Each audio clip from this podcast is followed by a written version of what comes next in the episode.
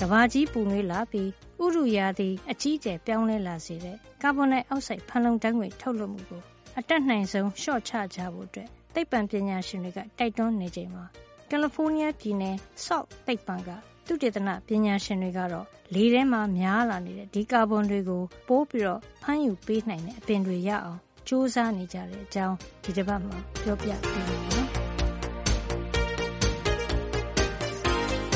ဝင်ရိုးစွန်းတွေမှာဖုံးလွှမ်းနေတဲ့ရေခဲဆိုင်တွေအရေးပြောနှုံးမြန်လာတဲ့ဆိုတဲ့သုတေသနတွေ့ရှိချက်တွေဇက်တိုက်ဆိုသလိုထွက်ပေါ်လာနေတယ်လို့ပင်လယ်ရေမျက်နှာပြင်တွေမြင့်တက်လာတဲ့ဆိုတာကိုလည်းလက်တွေ့မြင်လာနေရပါပြီ။ဒါကြောင့်ကဘာကြီးပူနွေးလာတာနဲ့ဥရုရာသီပြောင်းလဲမှုဆိုင်ရာပြဿနာကိုပေါ့ပေါ့ဆဆမတွက်ကြဖို့သိပ္ပံပညာရှင်တွေကသတိပေးနေကြတာပါ။ဒီခါမှာကဘာကြီးကိုပူနွေးလာစေတဲ့ဖန်လုံရင်ဓာတ်ငွေထုတ်လွှတ်မှုတွေကိုဘလို့ရော့ချအောင်လုပ်မယ်ဆိုတာကို ဝိုင်းဝန်းစဉ်းစားကြပါတယ်။ဒီလိုဖြည့်ရှင်းမှုစ조사မှုတွေထဲမှာကယ်လီဖိုးနီးယားပြည်နယ်ဆန်ဒီယေဂိုကလာဟိုလာမှာရှိတဲ့ဇီဝဗေဒဆိုင်ရာလေ့လာမှုတွေလုပ်နေတဲ့ Salk သိပ္ပံကသုတေသနပညာရှင်တွေရဲ့လှုပ်ဆောင်မှုကတော့ထူးခြားပါတယ်။သူတို့ကကဘာကြီးပူနွေးစေတဲ့ကာဗွန်တွေကိုစုပ်ယူထားနိုင်တဲ့အပင်တွေကိုခုတဲ့ပို့ပြီးကာဗွန်စုပ်ယူနိုင်အောင်သာမကဒီကာဗွန်တွေလေထုထဲပြန်ပြီးရောက်မသွားအောင် ဒီအပင်တွေကပဲ နှစ်ပေါင်းများစွာတိတ်နိုင်အောင် ဘယ်လိုလုပ်နိုင်မလဲဆိုတာကို စဉ်းစားပြီး သုတေသန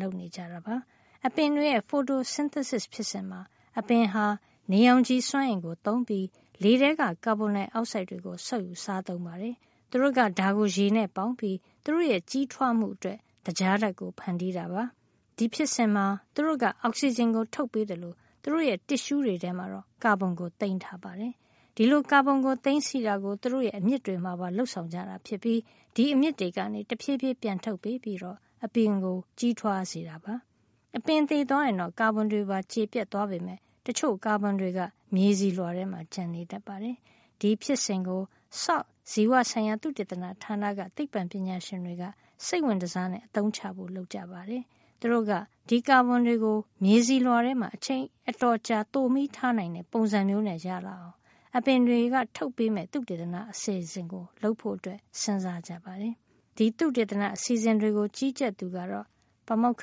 Joseph Noel ပါ။သူငယ်ငယ်တုန်းကတစ်ပင်ကရတဲ့တဘာဝဖော်ဘူးဆိုတွေကိုမြေဆွေးလောက်ခဲ့ဖို့တုံးခဲ့တာကိုတတိတရရှိရာကနေအခုလိုကဘာကြီးပူနွေးမှုကိုတိုက်ဖြတ်ဖို့လောက်ရမှာတုံးဖို့စိတ်ကူးရခဲ့တယ်လို့ပြောပါတယ်။ When I was a child growing up in western Pennsylvania, I was an avid gardener. My grandmother and great grandmother taught me to have a vegetable garden every summer. စိုက်ပျိုးရေးကိုသိခွာလာပါပြီး Pennsylvania ပြည်နယ်အနောက်ပိုင်းဒေသမှာကြီးပြင်းလာတာပါ။မျိုးရောက်တိုင်းကျွန်တော်အဖွားရရောကျွန်တော်အမေကပါစားပင်တွေကိုဘလို့စိုက်ရတယ်ဆိုတာကိုသင်ပြပေးပါတယ်။အဲ့ဒီကလေးက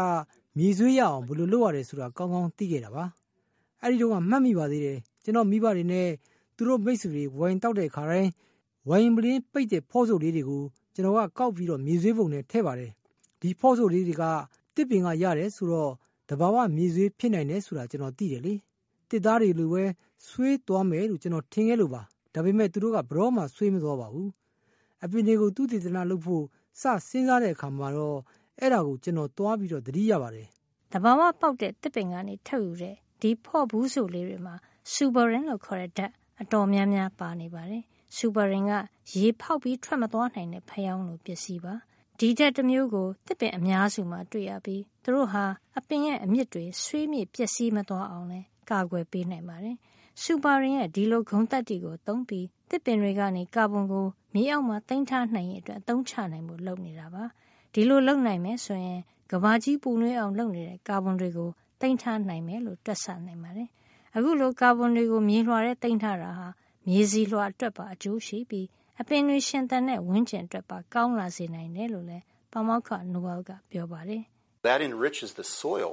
So it turns out that by leaving some plant carbon behind in the soil တချို့ပင်တွေကကာဗွန်တွေဟာ မြေဆီလွှာထဲမှာ ကျန်ခဲ့တဲ့အတွက် အဲ့ဒီမြေဆီလွှာထဲမှာ ကာဗွန်တွေကျွယ်ဝလာတာကို တွေ့ရပါတယ်။အပင်တွေလည်း ပိုးပြီးတော့ကောင်းကောင်း ကြီးထွားလာကြတယ်။ဒါကြောင့် တောင်သူလယ်သမားတွေရဲ့ စိုက်ကွင်းတွေမှာဖြစ်စေ ဂေဟစနစ်ထဲမှာဖြစ်စေ မြေဆီလွှာထဲမှာ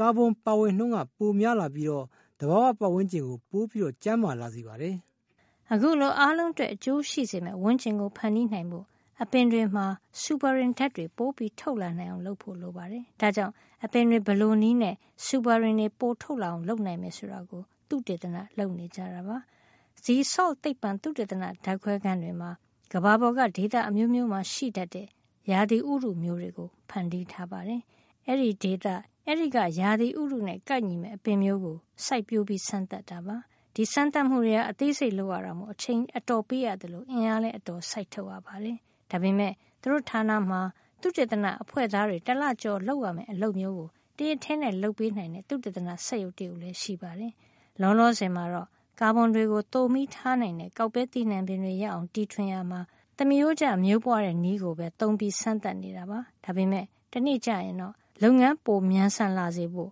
မျိုးဗီဇအင်ဂျင်နီယာနည်းပညာကို သုံးဖို့ဖြစ်လာနိုင်ပါတယ် လက်ရှိစမ်းသပ်မှုတွေအတွက် ကန့်သက်ထားတာမျိုးတော့တိတ်မရှိပါဘူးလို့သူတေသနပညာရှင်တဦးဖြစ်တဲ့ တွဲဘက်ပါမောက္ခ Wolfgang Busch ကပြောပါတယ်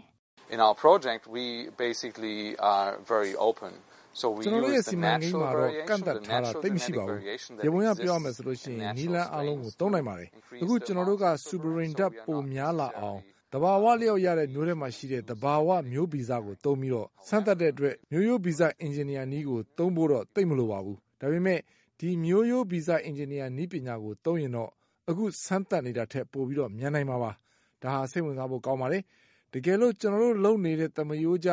မျိုးဗီဇရအောင်လုပ်ယူပြီးတော့စမ်းသပ်တာကို မစောင့်နိုင်လောက်အောင် ကမ္ဘာရာသီဥတုပြောင်းလာတာက